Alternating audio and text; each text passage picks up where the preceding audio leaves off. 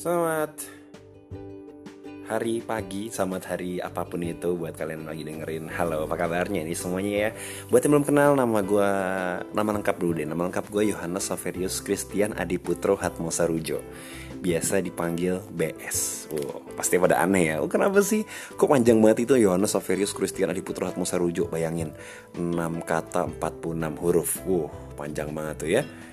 Gila gila lu kebayang gak sih kalau gue tuh kadang mikir punya nama panjang tuh kayak awalnya keren nih wih nama gue panjang. Tapi gue mikir kayak ke depan-depannya kalau gue mati itu gimana ya? Bayangin deh coba lu bayangin gue nisan gue pada saat misalkan gue meninggal nisan gue kayak gimana? Coba apalagi gue uh, non muslim gue krist gue katolik kan.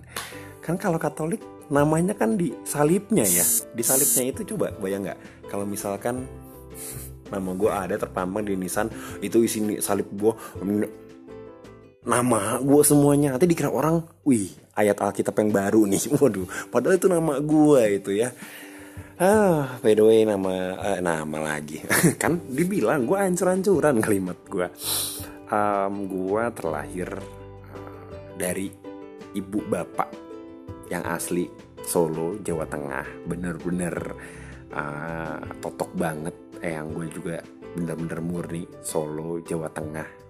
Dan mereka tuh tetanggaan beda kampung doang. Jadi uh, orang Jawa yang merantau ke transmigrasi setelah itu enak-enak dan lahirlah gue gue tiga bersaudara uh, kakak gue yang pertama itu seorang pramugari di salah satu maskapai luar negeri yang konon sih kalau masih ya ini maskapai terbaik keempat sedunia. Depannya C belakangnya Y oke? Okay?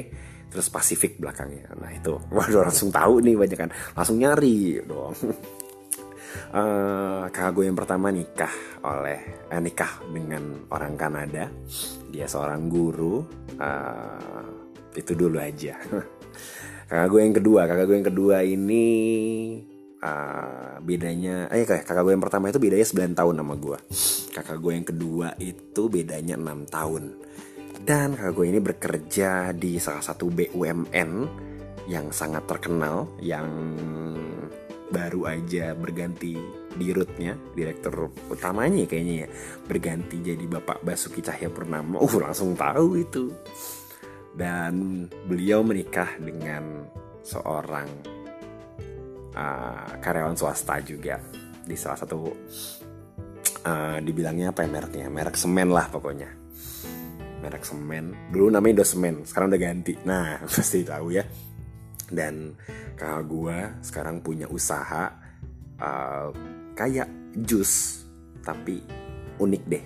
Namanya vitamin monster. Lo bisa lihat IG-nya di @vitaminmonster dan lahirlah gue 6 tahun setelah gue yang kedua. Ya iyalah kan tadi udah dibilang kan jadi lahirlah gue